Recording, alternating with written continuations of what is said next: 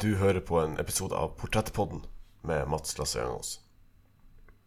Dagens gjest forfatter og slampoet Martine Johansen. Kan det være at vi en dag våkner og ikke lenger husker at verden var mer enn dette, spør jeg. Vil du det, sier hun.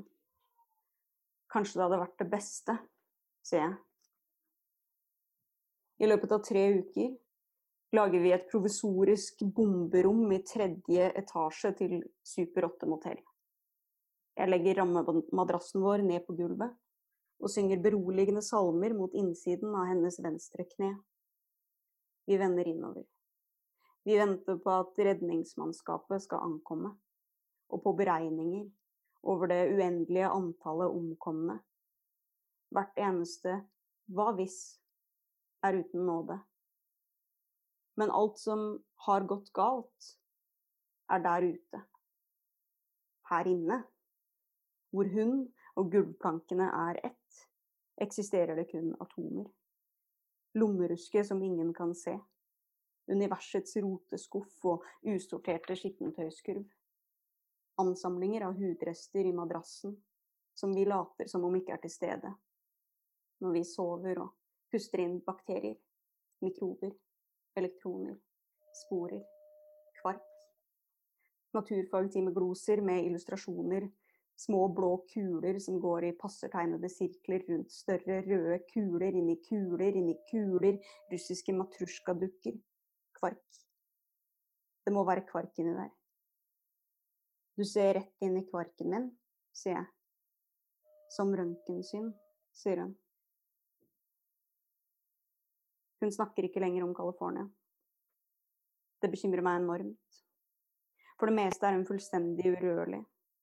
Om morgenen flytter jeg henne fra sengen bort til skrivebordet med den gylne lampa og notatblokka som bærer motellets logo på toppen av hvert ark. Vurderer innholdet i innholdet. Drar i besteandelene mellom leddene for å plassere alt riktig ovenfor hverandre, så ingenting skal krasje eller falle ned når jeg ikke kan følge med fordi jeg er ved brusmaskinen ved bassenget og henter cola til oss begge. En mirakelkur, sies det. Vi er villige til å prøve alt. Om natten sitter vi sammen i vinduskarmen ved sengekanten. Hun sier at hun skal finne et perfekt sted for organene mine, skulle de finne på å falle ut av åpningene. Hver natt før vi sover, bygger vi et fort av alle putene i senga. Vi lengter etter regnet, ønsker å løpe ut og vaske sirene. Men vi har begynt å frykte hva de mørke skyene kan være bærere av, der de ruller over himmelen, inn fra ørkenen. Frykter sykdom, forkjølelse, kløe og etsende sår som aldri gror. Er huden min fortsatt pen? spør hun. Det er nydelig, sier jeg. Vi har mistet matlysten, og vet hva det kommer av, men vi kan ikke fortelle det til hverandre. Når solskinnet titter frem fra det sorte over oss, kjøper jeg en batteridrevet vifte på markedet ved Fremont og setter den ved vinduet, slik at vingene kan forflytte oksygenet fra høyre til venstre, og langs over kvadratmeterne mellom hennes og min nese. Hun utvikler solcelleeksem. Jeg smører henne inn med sinkkrem og plasserer henne ved vinduet med vanningssystem, føttene hennes i god jord, og planter genmodifiserte frø i potten. Etter hvert som hotellrommet dekoreres, føles det mindre midlertidig. Vi tegner DNA-et vårt i sekvenser langs med listene på rullegardinene på innsiden av klesskapet, på skrivebordstolen, minibaren og strykebrettet. Jeg sier at vi kan bli til noe her. At vi kan skape en mening ut av dette.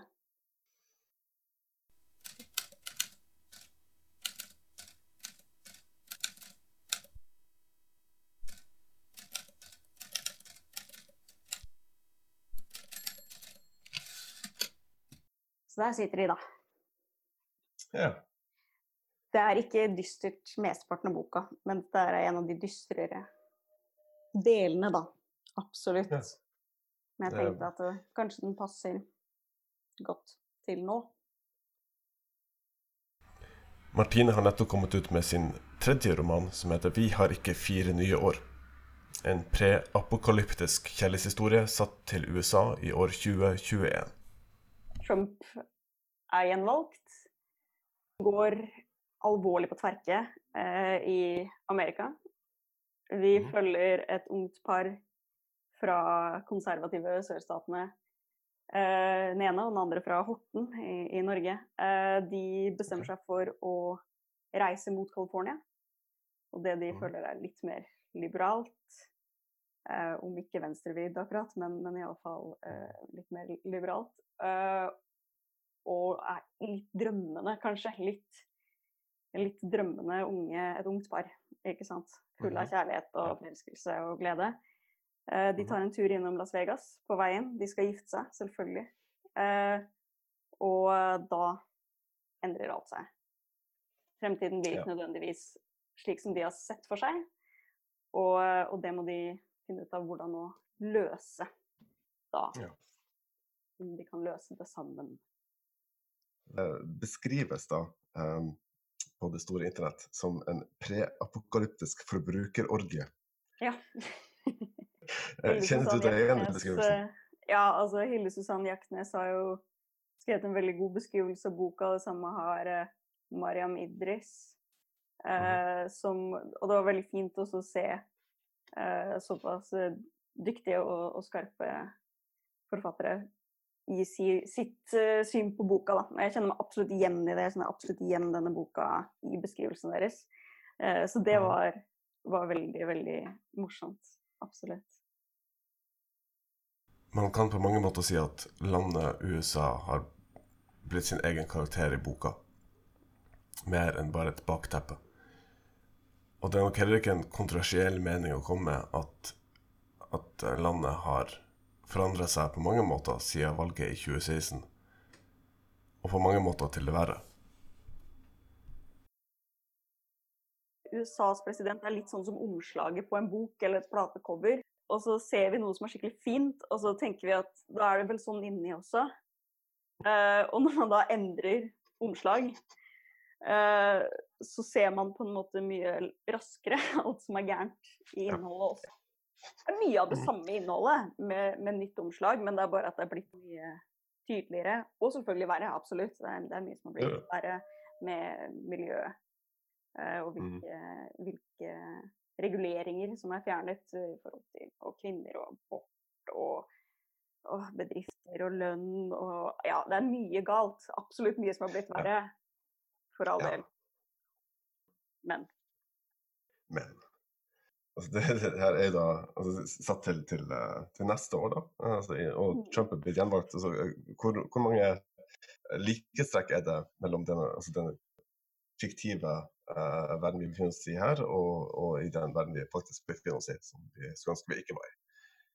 altså, jeg håper jo ikke at verden tar slutt neste år. Det, det håper jeg. Eh, jeg føler at det er mer enn nok med at nå er vi midt inne i en eh, pandemi som Mhm. har ledet til at eh, hele verden har måttet gå og gjemme seg. og, og er engstelige for fremtiden i det hele tatt. Jeg føler at vi lever nok i den boka egentlig nå. Men, men jeg tror absolutt at Trump blir gjenvalgt.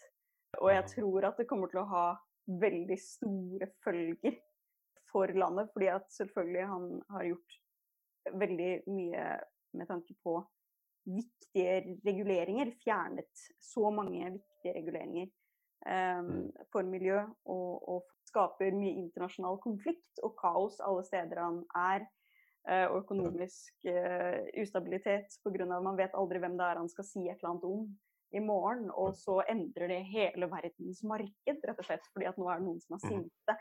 Um, og det er jo absurd. Det er veldig, veldig farlig, fordi det skaper ustabilitet. Um, så hvis han vinner, som jeg tror han gjør, uh, så tror jeg at han blir veldig, veldig trygg på seg selv. Altså, han vil jo føle seg uovervinnelig. Og det er han da. Altså, sånn, da har han virkelig Han kan gjøre hva han vil. Det er greit. han kan gjøre hva han vil. Um, og da tror jeg ikke han går etter åtte år. Da tror jeg han blir. Putin la jo fram forslag i januar eh, om å, å endre på, på grunnloven eh, i Russland for å sørge for at han kan stille til valg igjen. Det, det skulle, de skulle jo hatt et møte om dette, men nå er det blitt utsatt pga. Eh, covid. det kommer jo til å gå Putins vei. eh, og Trump kommer til å gjøre det samme hvis han blir valgt inn, selvfølgelig. På en enda mer absurd måte. eh, fordi det virker rarere for oss at det skjer i liksom land of the free, da, enn at det skjer i Russland, på en måte. Men, men selvfølgelig, det er jo sånn det blir. De kommer ikke til å få Trump ut av Det hvite hus da, uten at de på en måte fysisk drar han ut. De tenkte å gå, liksom. Det blir ikke noe mer valg. Det blir ikke noe mer valg. Ferdig med det, da. Ja. Ja. Alle valgene er jo selvfølgelig styrt uansett, ifølge Donald Trump. vel å merke. Ja, og altså det er jo til, til en viss grad riktig det, med den type eh, rigging som republikanerne gjør i forhold til gerrymandering og i vanskeligheten med å faktisk få stemt, da, hvis du tilhører en demograf som oftere stemmer for en demokratisk president enn Så ja, det er absolutt et rigged system, det er bare at eh, det er jo rigged for han. Eh, Ja. Så har jo eh, kjære presidenten klart å altså Han har jo du har vært inne på han har eh, allerede klart å ødelegge ganske mye i løpet av snart fire år. Ja. Um, han har da selvfølgelig også ødelagt mye for altså de, de skeive i, i USA.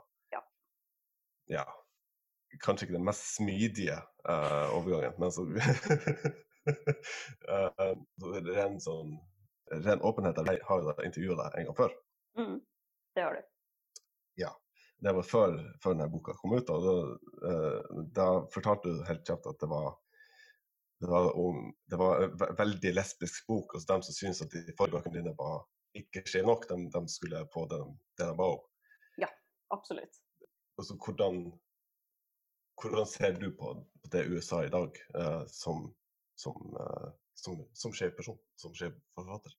Altså, eh, for meg så merka jeg en veldig stor angst da Trump ble valgt og hadde Pence også som sin, Mm. sin VP. Altså Mike Pence er jo, er jo kjent for nettopp eh, det å være veldig anti-LGBT eh, pluss, og, og nettopp være opptatt av liksom, konverterings... Liksom, Mm. ja, prøve å pray the gay away, eh, på en måte. Ja. Det er hans, eh, hans greie. Um, han er en skummel person å tenke seg at skulle tatt over hvis f.eks. Trump da, hadde blitt fjernet på en eller annen måte. Da. Fordi Trump er jo helt riv ruskende gal. Um, men uten egentlig noen sånn spesielle mål annet enn å berike seg selv og sin egen familie og liksom å være president, på en måte. Være i sentrum. Uh, mens Pence har jo veldig klare mål. Så han er jo en skumlere mann sånn sett.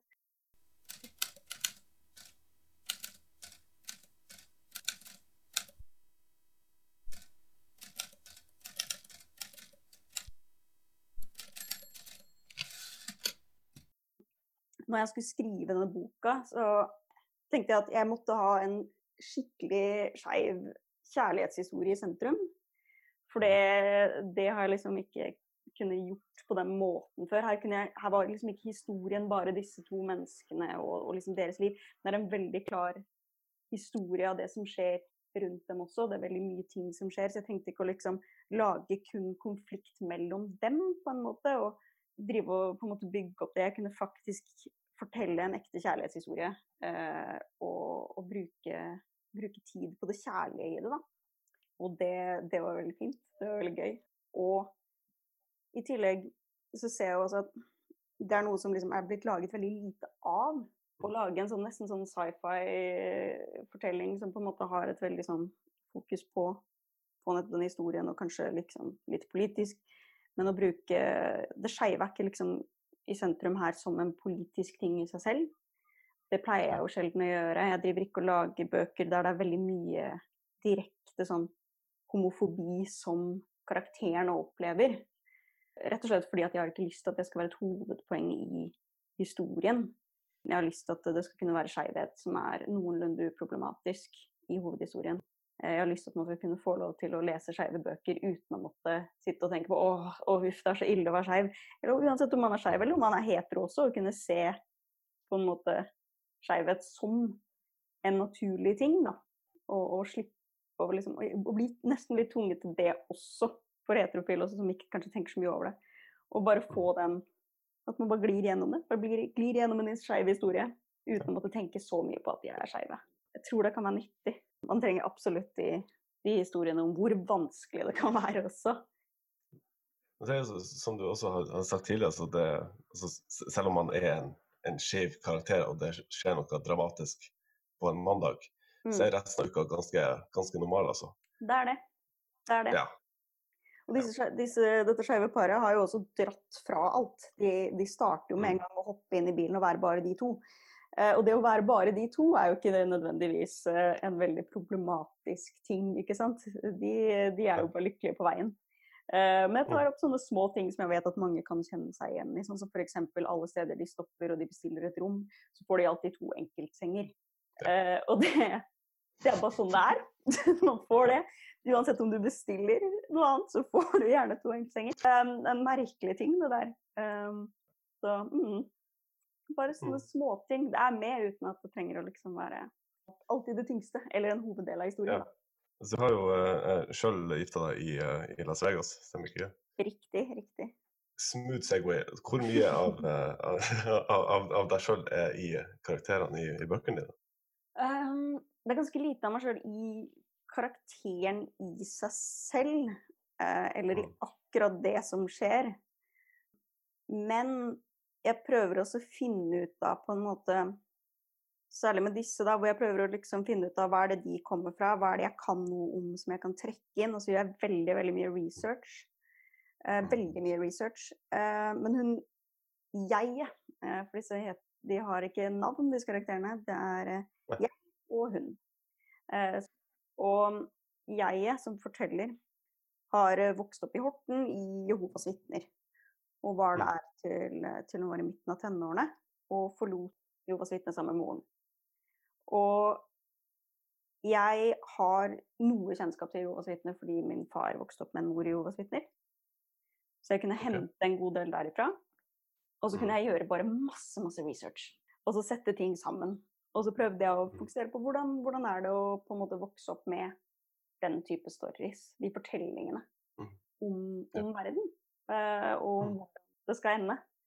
Um, og hvordan påvirker det deg når ting virkelig går galt.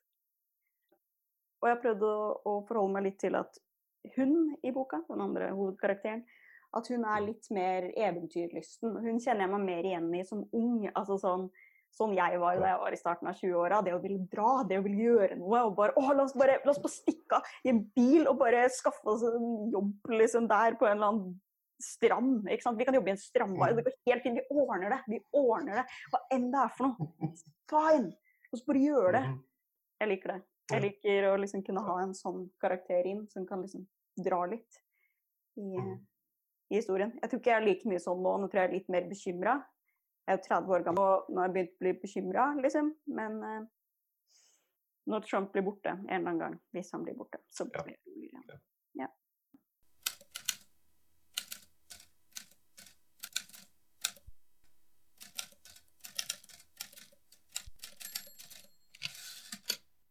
Du debuterte da med 'Hvite jenter kan ikke synge blues', Mm. Med hovedkvarter June, som også har en sånn, sånn, sånn rot, rotløshet, kan man vel si, som, som reiser rundt som en gatemusikant i Europa. Og, Yes. så har du fortsatt den rotløsheten, eller har du begynt å finne en, en, en ro? Uh, jeg er roligere nå. Det er, jeg har jo Mm. ikke flyttet på flyttet i fjor eller i året før. Eh, så mye mer, mye mer rot. Eh, slått litt rot. Og Men altså, ja. Jeg er nok en person som alltid er litt rastløs av meg. Jeg har lyst til å gjøre ting. Jeg har lyst til å skape ting. Jeg tror ikke jeg hadde vært veldig bra på 9 til 4, nødvendigvis. Eh, over lengre tid. Men eh, eh, den boka er jo en sånn skikkelig ekstrem variant av noen som er rotløs og også liksom egentlig ikke bryr seg så mye om de tingene man skal, og som man liksom må gjøre. Ja. Eh, Og bare går på liksom Bare på feelinga, liksom. Mm -hmm. um, som er nok nesten umulig å gjøre på mange måter, i hvert fall over lengre tid. Men samtidig har ikke alle egentlig på lyst til å gjøre det. Altså sånn Noen ganger bare gi slipp på absolutt, si hva, det har ikke noe å si, og så bare gå og gjøre det du har lyst til å gjøre. Ja. Det er vel ingen som egentlig har lyst til å være voksen. de er bare, bare nødt til det. Ikke sant? Ikke sant? Få unngå det så lenge vi kan, tenker jeg. Eh, hvor, altså, så gå, gå litt, litt, litt lenger tilbake i tid, altså hvor, eh, hvor, hvor altså, jeg Var det konkret, konkret øyeblikk hvor du fant ut at ok, jeg skal bli forfatter? For du har jo tidligere sagt at uh, du trodde det var noe man ikke kunne bli. Ja, jeg trodde egentlig ikke man ble forfatter. På en eller annen måte føler jeg det er en sånn ting som sånn eh, Du på en måte måtte allerede være det for å bli det, hvis du skjønner. Altså, jeg hadde allerede gitt ut noen bøker for å debutere, nesten. Det var sånn eh, det, det, jeg vet ikke om jeg trodde at man måtte ha vært i generasjoner, eller hva det var for noe, men jeg var bare helt overbevist om at Mm. jeg kunne iallfall ikke bli forfatter. Fordi jeg visste ikke hvordan man ble det. Og jeg hadde i Mm. hvert fall ikke gått på noen forfatterlinje, noen sånn skole noe sted, så jeg kjente ikke noen andre forfattere. Jeg hadde aldri møtt noen som Mm. holdt på med det. Um, så det, det tok lang tid. Jeg måtte liksom faktisk få et push da av folk som var forfattere. Som sa ja, vet du hva, jeg ser det du holder på med. Dette her burde du gjøre. Og sånn her og sånn her kan du gjøre ting. Um, og som tok en på en måte veldig sånn rolle overfor meg og si dette her, dette her går an. Og hvis ikke ingen hadde sagt til meg før at det gikk an på en måte hvor jeg kunne tro på det, i hvert fall ikke. Altså sånn, om så en venn av meg da sier ja, ja, men du kan jo bli forfatter. Så sånn, ja, ja, hva vet du om å bli forfatter? Du vet akkurat like mye om, som meg om det å bli forfatter. Hva? Hvordan skal vi løse dette, liksom? Uh, mens når en forfatter sier det, da, betyr det på en måte noe annet igjen. For de har jo gjort det. så ja. Det, det var viktig for min del, da. Da skjedde det. Og nå er jeg jo sånn Ja, selvfølgelig kan man bli forfatter. Ja. Det går jo an. Jeg prøver å fortelle folk som jeg jobber med, da, når jeg har folk på kurs og sånn, unge, kule folk som skriver og jobber og sånn, og bare ja, selvfølgelig kan du bli forfatter. Og så får jeg ofte en sånn ja, men det kan man jo ikke. Jo, du kan det. Du kan virkelig gjøre det, liksom. Og prøve å, prøve å dytte det inn i, i hodet på dem. Og det er moro. For det er noen av de som jobber da med bøker, og som sender meg ting og som Spør meg om ting underveis og liksom. Det er kjempegøy. Ja, ja, Flere forfattere. Det er bra. Det er det vi trenger, vet du. ja, ja. Sykepleiere og forfattere. På, på kort sikt kanskje flere sykepleiere enn forfattere, men Kanskje. men, Kanskje. Du, det sier du. Det, det, det får du ja, stå for. Jeg, ja, ja. jeg tror vi trenger mye lesestoff fremover. Ja, det, det er et godt poeng. Ja, touché.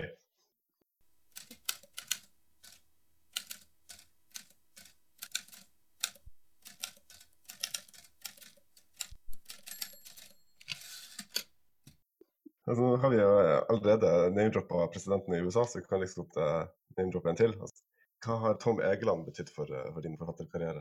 Oh, så mye. Han er jo nettopp sånn Han sa til meg at dette gikk an å gjøre. Uh, han gadd å lese det jeg hadde skrevet uh, veldig back in the day.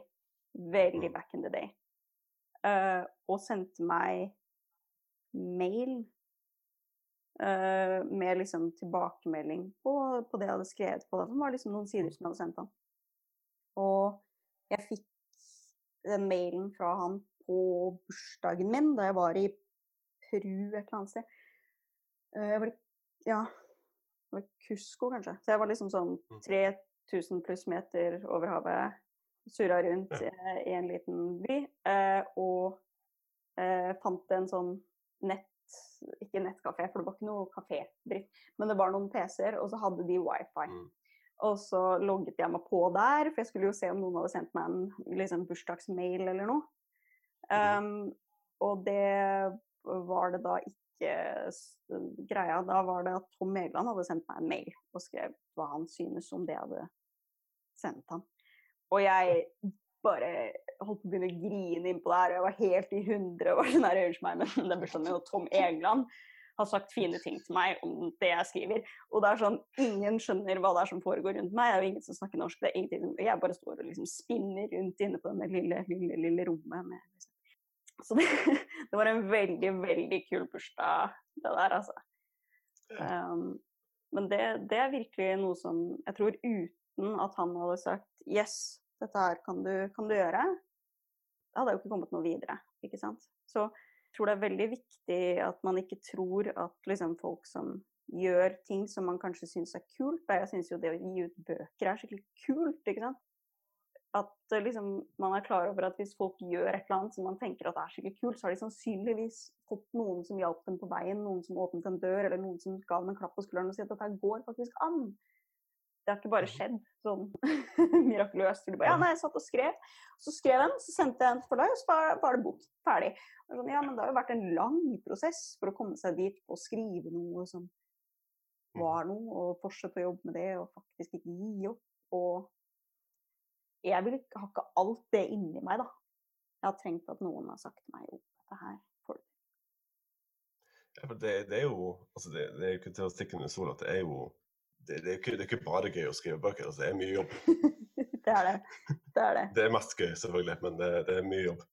Det er veldig gøy når det funker, og så er det veldig dårlig når du, og teit når du har en dårlig dag. På en måte, hvor det ikke Ja. blir noe. Bare blir dårlig. Ja. Og så er det veldig teit den gangen du går inn og så har du sletta hele Word-dokumentet før du Ikke sant? innser hva du har gjort. Fryktelig dårlig. Fryktelig dårlig dag. Ja. Mm, Det, det, det kan skje. Ja. Ja, dessverre. det kan det. Det kan det. Ja. Så, ja, nei, det er absolutt. Men altså, i forhold til veldig mange andre jobber man kan ha, så er det veldig chill å bare kunne sitte hjemme og leke med Word-dokumenter. Det må jeg si. Jeg, jeg, skal ikke, jeg skal ikke liksom si at å, hei, det er en fryktelig tung dag på jobben. Det er sånn, Jeg sitter der med Mac-en og bare Eh, Og så kanskje jeg mislikte noe sjøl og tenkte det var dårlig det jeg har gjort òg. Altså, det var arbeidsdag. Altså sånn. Det er dårlig betalt ofte, da. Det er, det er en sånn Ja. drawback som heldigvis liksom eksisterer, som man kan fremme. OK, greit, jobben min er veldig chill. Den er egentlig veldig fin. Mm. Men den er dårlig betalt. Og du kan risikere at folk hater det du har gjort, og så må du deale med det. en emosjonell, påkjenning, men Den, eh, en an- annen måte man kan supplere på, på, på inntekten, er jo å drive med slampoesi. ja, ikke sant? Eh, hvordan hvordan starta det egentlig for, for deg? Hvordan starta slampoesi-eventyret for meg? Jo, eh, det var en gang at jeg satt på eh, Nordic Black eh, sitt uh, kaféteater. Kaféteatret på Mhm. Grønland eh, overfor Botsparken. Og det er på en måte grasrota av slam eh, i Oslo. I Norge, vel, sannsynligvis. Og det er fortsatt en levende scene, også særlig med open expression, som de har fast nå. Um, og det, er, det teatret er inni en tidligere kirke. Et veldig, okay. veldig koselig eh, bygg med to etasjer for publikum. Um, og det er et av de liksom, varmeste scenene du kan være. Det er et Mhm. publikum som liksom vet virkelig å gi deg kjærlighet. Uansett. Eh, og hjelpe til å bygge hverandre opp på en veldig god måte. Uh, og det er, tror jeg, undervurdert. Uh, noen ganger så er man liksom veldig opptatt av at ting skal være veldig kritisk. Man skal være veldig sånn Ja, hvis du skal gå og gjøre noe, så skal vi liksom se på hvorvidt det var noe. Ikke sant? Men man må alltid starte et eller annet sted også. Hvor kanskje man har lov til å gjøre noe som ikke funka, eller man har lov til å prøve ut noe som ikke ble høydere, da. Eh, Mhm. Men vite at man har prøvd, og liksom få støtte i det. Um, Ja. og, og den scenen er veldig varm sånn, den tillater det. Mhm. Og, og gir en tid til å, til å vokse og bygge seg opp, slik at man kan bli bedre. Slik at man kan lære, og, og tåler da etter hvert å få kanskje en beskjed om at ja, men du burde heller gjøre sånn, eller har du tenkt på dette? Um, og så går det bra uten at man knekker fullstendig sammen og bare visner eh, og aldri går opp på en scene igjen, ikke sant? Som jeg tror kan skje hvis man er ung og prøver seg med noe på en scene mm. som man selv da føler at er skikkelig kanskje sår, sårbart og, og, Mm. og unikt og Ikke sant? Og så, da, da trenger man egentlig bare liksom, litt klemming og litt sånn Ja. Ja. Litt øl og litt omsorg. Egentlig. Ja. Egentlig. Ja. Mm. Mm. Så jeg, jeg kom inn der. Egentlig, jeg hadde drevet og organisert og jobba med en annen scene i Oslo som var litt mer hardbarka.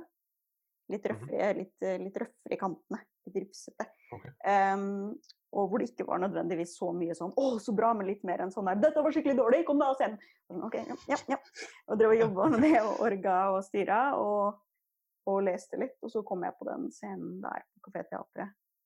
Og så opplevde jeg denne kjærligheten og omtanken. Og så tenkte jeg at dette var skikkelig hyggelig. Dette var så koselig. Jeg har lyst til å fortsette å gå her. For hyggens skyld, for varmen, for den litt sånn åpne kreativiteten.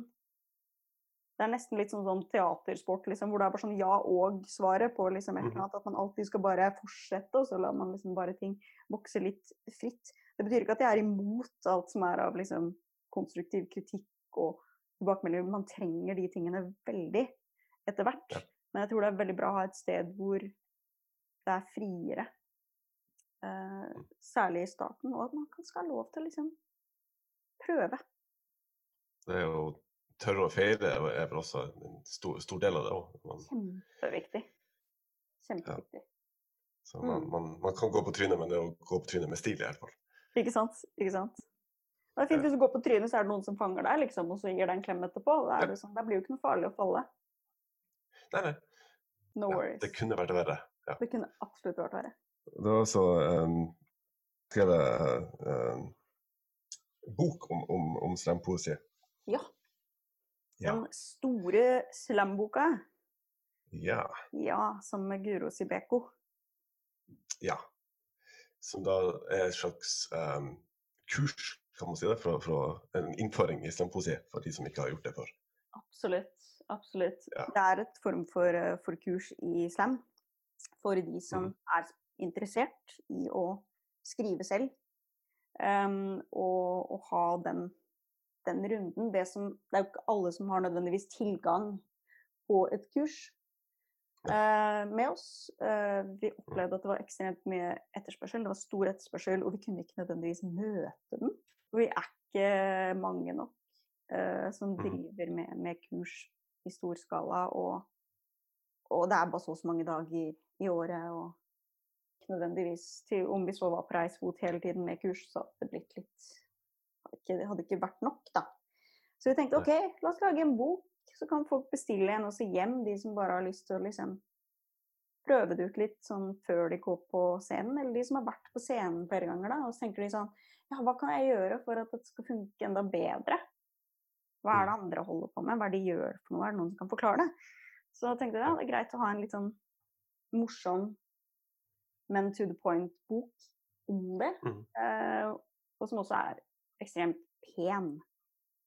Den er liksom Det er jo en muntlig fortellerstil, så vi har prøvd å skrive på en måte som ikke er sånn tørr og kjip sakprosabok, men heller noe som er litt levende. Um, og fikk veldig, veldig god hjelp til det av, eh, av en designer og to illustratører som er, eh, har virkelig jobbet hardt med den utformingen også. Den som passer godt også for ungdom så vel som voksne. Er- det, er- altså, jeg sier at det er en veldig visuell bok, så det er mye eh, understreking av ord og piler og Absolutt. symboler. Og, Absolutt. For vi er jo vant til å kunne gjøre det når vi står på scenen, så styrer vi jo selv hvordan vi skal formidle budskapet vårt. Eh, formidle historien, formidle hva det er vi vil si. Og det kan man ikke like lett gjøre skriftlig. Man kan ikke legge trykk på ting på samme måte. Så vi tenkte, ok, hvordan kan vi gjøre det? Jo, vi kan eh, tegne i sidene, streke under, slik at det er liksom eh, Så satt designeren da og, og gjenskapte dette i sitt uh, InDesign-program eller Illustrator-program eller hva det var for hun brukte. da. Jeg er ikke sånn helt godt bevandra der. Men, eh, men hun satt da ikke sant, og strek under og tegna opp de pilene og gjorde på hver eneste. Det var kjempefint. Mm. Det var kjempefint. Skrev ord for hånd og Absolutt. Det var kjempebra. det blir litt, litt annen form for, for selvhjelpsbok. da, at Det blir et, et, altså en hybrid mellom det visuelle mediet og, og et eh, Og kurs. Ja, og kurs. Absolutt. Absolutt. Du får liksom sånn en, møtt de to verdenene i, i det litterære. da. Absolutt. En sånn god melange Mm. eh, mellom de. Ja. Melange er fint ord. Ja, ja det er det. Ja. Veldig pent Ja. ord. Tenker jeg bare på smørt, Men ok. Ja, it's true. Eh, for de som, som, som ikke er så eh, bevandra i den verden, så eh, sånn rundt overfladisk beskriver hva, hva er slampoesi, og hva så er det altså, i, i, i motsetning til vanlig poesilesning, f.eks. Ikke sant. Um, altså, slampoesi er bare det vi egentlig kaller det. Har endt opp med å kalle det på norsk. Men det er jo spoken word. eh, det er muntlig overlevert poesi. Det vil si at Mm. poesien er ikke engang nødvendigvis skrevet ned, eh, men den er iallfall ikke lest på scenen. Den fremføres. Den er pugget inn. Noen ganger så er det folk som går opp og gjør det med papir i hånda og på en måte må lese Mm. litt innimellom. Det er lov at man ikke alltid har øvd inn. Eh, men når man gjør det full on, da, så er det, Ja. er det øvd inn. Um, og det er en fokus også på den, den formidlingen og den kontakten mellom Mm. poet og publikum. At, eh, at man kan faktisk kommunisere uh, underveis med f.eks. at publikum kan knipse. Så de var sånn Å, det der var en bra, bra linje. Det der eh, var et fint språklig bilde. Det likte jeg. Mhm. Det var et godt rim. Eh, så, så kan de markere det ved å gi den lyden og det signalet Mhm. til poeten på scenen. Det er en, eh, en strålende gave som poet når du står der og du vet at det er noen i publikum som hører deg og som ser deg og som Mm. har en eller annen form for connection med det du, det du sier. At de føler det. Det er kjempefint. Det er en helt Mhm. annen opplevelse enn som forfatter også. Da. Jeg går noen ganger og leser, ikke sant. Jeg går opp på en scene, Mm. og så er jeg på en sånn litteraturgreie, og så er jeg der som forfatter, ikke som poet. Og så skal jeg Mm. lese noe fra boka mi. Og da setter jeg meg der, og så åpner jeg boka, og så putter jeg på en måte ansiktet mitt ned i den boka, og så Mhm. leser jeg. Til jeg er ferdig med å lese, og så lukker jeg igjen boka. Og så håper Mhm. jeg jo at det når fram, og at det er en positiv opplevelse. Men jeg ser mer for meg at publikum ofte kanskje bare lukker igjen øynene, sitter og lytter litt som om det var en lydbok. Um, mens på slammen så er det mye mer at folk ser deg i øya mens du gjør det, for du ser jo dem gjerne også i øynene. altså Det er en mye mer Ja. Så det er store forskjeller der i forhold til hvordan Selv om noen ganger så kan teksten være noenlunde lik. Særlig i denne boka som jeg har skrevet nå, så er det deler av denne boka som absolutt fungerer som et slamdikt. Eller som ulike slamdikt. Mm. Um, I tillegg til å være roman, Ja. på en måte. Ja, så det er jo altså mye mer eh, direkte møte mellom, mellom eh, forfatter og, og leser, da, eller tilskuer i det tilfellet. da. Absolutt. absolutt. Det er vanskelig å gjøre, gjøre noe som er slam skriftlig. Eh, det Ja. er veldig vanskelig å få til å gjøre godt. Eh, så jeg prøver å, å finne liksom en god form med den nyeste boka nå, da, mellom måte det å skrive en roman og det å skrive eh, tekst som fungerer veldig godt å lese høyt. Eh, om dikt også. Finne en sånn Mm. melange, da. Ja. Ja. ja. Da- dagens ord, Ja, dagens ord har vi bestemt oss.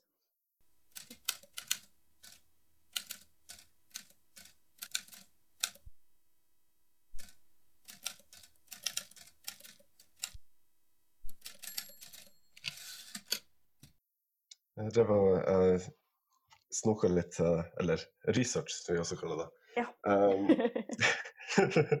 eh, For jeg skal begynne å spørre journalister om når de sier sånn her, Ja, så har jeg lest, og så driver du og snoker. Driver du og snoker Ja. rundt i Har du vært på Facebooken min? Hæ? Ja, du holder med? Ja, ja det var fint. Vær så god. Hva Jeg ser, ser antydning til at du har vært i, i eh, lydstudio med den nyeste boka òg. Yes. Det, er- det er eh, rett å anta. Det er rett å anta. Så det blir i altså fire nye år på lydbok. Det blir fire nye år på lydbok. eh, så det, det er veldig gøy. Det er veldig gøy. Jeg har ikke Mm. lydbo laget lydbok med de andre bøkene. Så dette er er første. eh, og jeg har aldri lest inn noen andres lydbok heller. Så det er en ganske Jeg har vært i studio med dikt flere ganger før. Eh, så Mm. det er jeg vant til. Det er ikke det å være i studio nødvendigvis. Så jeg har liksom et lite, lite oppsett sjøl også, som jeg noen ganger bruker til å liksom teste ut ting. og men det å gå inn og lese liksom eh, Ja, hva er det for noe? Liksom 370 sider, eller hva det er for noe? 360-370 sider inn er mye. Og, og komme på at å, ja, nei, de, men de må ha sine egne små karakteristiske stemmer, litt små sånne skifter. Hvor langt kan jeg dra det? Snakker jeg nå like fort denne gangen som det jeg gjorde på før? Altså har det endret seg over Ja. Det er mye å se på, for å være ærlig. Men det, det Mhm. virker som at det har gått veldig bra. Um, nå har vi gjort to recordinger, skal vi gjøre noen sånne pickups bare. Så er det vi har igjen, det er uh, Kari Helene Blystad som er uh, lydtekniker og på Vakuum Studio. Og hun er helt fantastisk. Så Mm. det, er, eh, det er et godt samarbeid. Det forlaget som bare Nå lager vi lydbok. Ja! Endelig lager vi lydbok. Yes, la oss gjøre det. Takk. Ja. Du sier at du, du, har, du har ikke eh, lest en lydbok før, altså, men uh, altså, bruker du noen av de teknikkene som sampoet- når du er i studio, eller uh, er det bare å forske seg fram? Eh, absolutt noen av, noen av, av teknikkene. Mm. Det er jo litt Det er en god del liksom, rytme og flyt som er sentral i denne boka også. Det er mye Jeg bruker mye uh, luft og linjeskift i denne boka. Og jeg prøver å markere ut på en måte Det er noen linjer som står for seg selv, med luft over og under. Ikke fordi at det er liksom mye avsnitt, men nettopp fordi at jeg vil trekke det fram. Jeg vil at du skal ta den, Mm. få med deg den linja og ta den pausen. Ja. Eh, det er mye av, av språket i f.eks. forrige boka mi også som var liksom poetisk og lyrisk og sånn, men Mm. jeg kunne ikke trekke ting fram på den måten. Jeg kunne ikke gjøre det med, med på en måte formateringen. Mm. og, mens det kunne jeg gjøre nå. Uh, så jeg skrev den på en helt annen måte. Og fikk, uh, fikk veldig god hjelp av redaktøren min, uh, Tiril Broch Aapret, til å gjøre det. Så da har jeg liksom jobbet med det når jeg har lest inn, og kunne bruke de pausene. Det er markert hvordan det skal leses. Jeg, liksom, jeg vet det er greit. Eh, jeg slipper å på en måte finne opp hjulet på nytt. Eh, jeg har liksom laget et lite roadmap til meg selv fra før i selve skrivinga. da. Fordi jeg har tenkt at folk lese, kan lese den høyt da, for hverandre. Eller for kjæledyrene sine, eller en potteplante. altså alt etter sånn. Mulig det er bare er veld, veldig sånn uh, litteraturnerdespørsmål, men eh, eh, altså det er, altså, li- litt av sånn, uh, det jeg ser for meg som den hellige gral av å være forfatter, er å kunne gå inn, lage lydbok og, og si til Maga skolen at det er forfatteren selv som leser. Ja. Å ja. Ja, nei, det føltes, eh, det føltes bra. Ja, det gjorde det. det er liksom, det er liksom stjerne, i boka. Nå, nå, nå, har jeg, nå har jeg klart det. Ja, ja, det kribler litt grann i leppene da, liksom. Det gjør det. Mm. Det er noe eget, det er helt riktig. ja. ja, det er veldig, veldig godt påpekt, altså. Det, det var stort. Det var stort, og jeg gleder meg til å liksom se den og på en måte oppleve det at folk faktisk ikke bare leser boka mi da, og forteller meg hva de syns. Folk som faktisk hører meg lese den for dem. At Mm. jeg kan få lov å lese den høyt for dem. Det er veldig koselig. Hvem liker ikke å bli lest for, liksom? Og nå kan jeg få lov til å gjøre det. For andre mennesker. Jeg synes det er kjempeflott. Jeg slipper å dra hjem til hver og en på en måte og sette meg ned og si sånn Ja. OK, jeg skal bare ta et glass vann. Er du klar, eller? Klar? Ja, kjempefint. Bare si stopp da når du er sliten. Ja. ja. Det blir litt mye, på en måte. Ja. Mm, Mm. mm. Det hadde jo selvfølgelig også vært noe hvis eh, altså, ja, altså, Det har vært en sånn, sånn biinntekt, selvfølgelig. fantastisk å gjøre liksom på en litt mindre utgivelse, kanskje. da, En som ikke er liksom 360-70 sider, uh, men kanskje Ja. en som er liksom ti sider. så Mm. kan man Ja. liksom Kjøper du denne, så kan du også bare sende en beskjed om at du vil ha forfatteren hjem. Uh, Mm. Og så bare send litt sånn informasjon om deg selv og sånn, så vi kan sjekke ut at du, du er OK. Og så Ja. får du besøk liksom, etter covid. Ja, så, så fremst du eh, er friskmeldt og ikke en øksemorder, så går det fint. basically. Ja. Mm. Mm. Godt å vite. Mm. Du skulle jo egentlig hatt uh, på boka for en stund siden. Det skulle jeg. Ja. 3. april, Den- ja. ja. Den, den ble jo da selvfølgelig eh, avlyst. Ja. Eller utsatt, i hvert fall. Ja, utsatt ble den. Det, det blir. Ja. Hvis det er Ja. ting jeg liker, så er det å ha bokslipp og feire min egen bok. Det er jeg glad i. Det syns jeg er moro. uh, Ja. invitert så utrolig mange dyktige slampoeter og dyktige musikere som hadde sagt ja til å Mm. komme og gjøre ting. Så jeg vil ha en fest hvor jeg kan sitte og se på alle dem gjøre de tingene de kan best. Og bare Ja. litt popkorn i hjørnet og bare være sånn yeah! Uh, det har jeg lyst til. Så dette skjer. Ja. Dette skjer. Mm. Når vet jeg ikke. To be determined, som de sier. To be determined når verden starter opp igjen.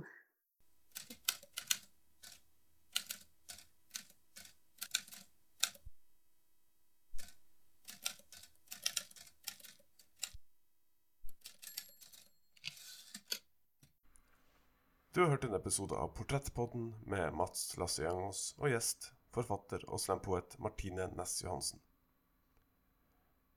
Har du noen tanker eller kommentarer til denne episoden? Har du ris eller ros eller tips du ønsker å komme med, så kan du lete opp Portrettpodden på Facebook. Takk for at akkurat du hørte på, og så høres vi snart igjen.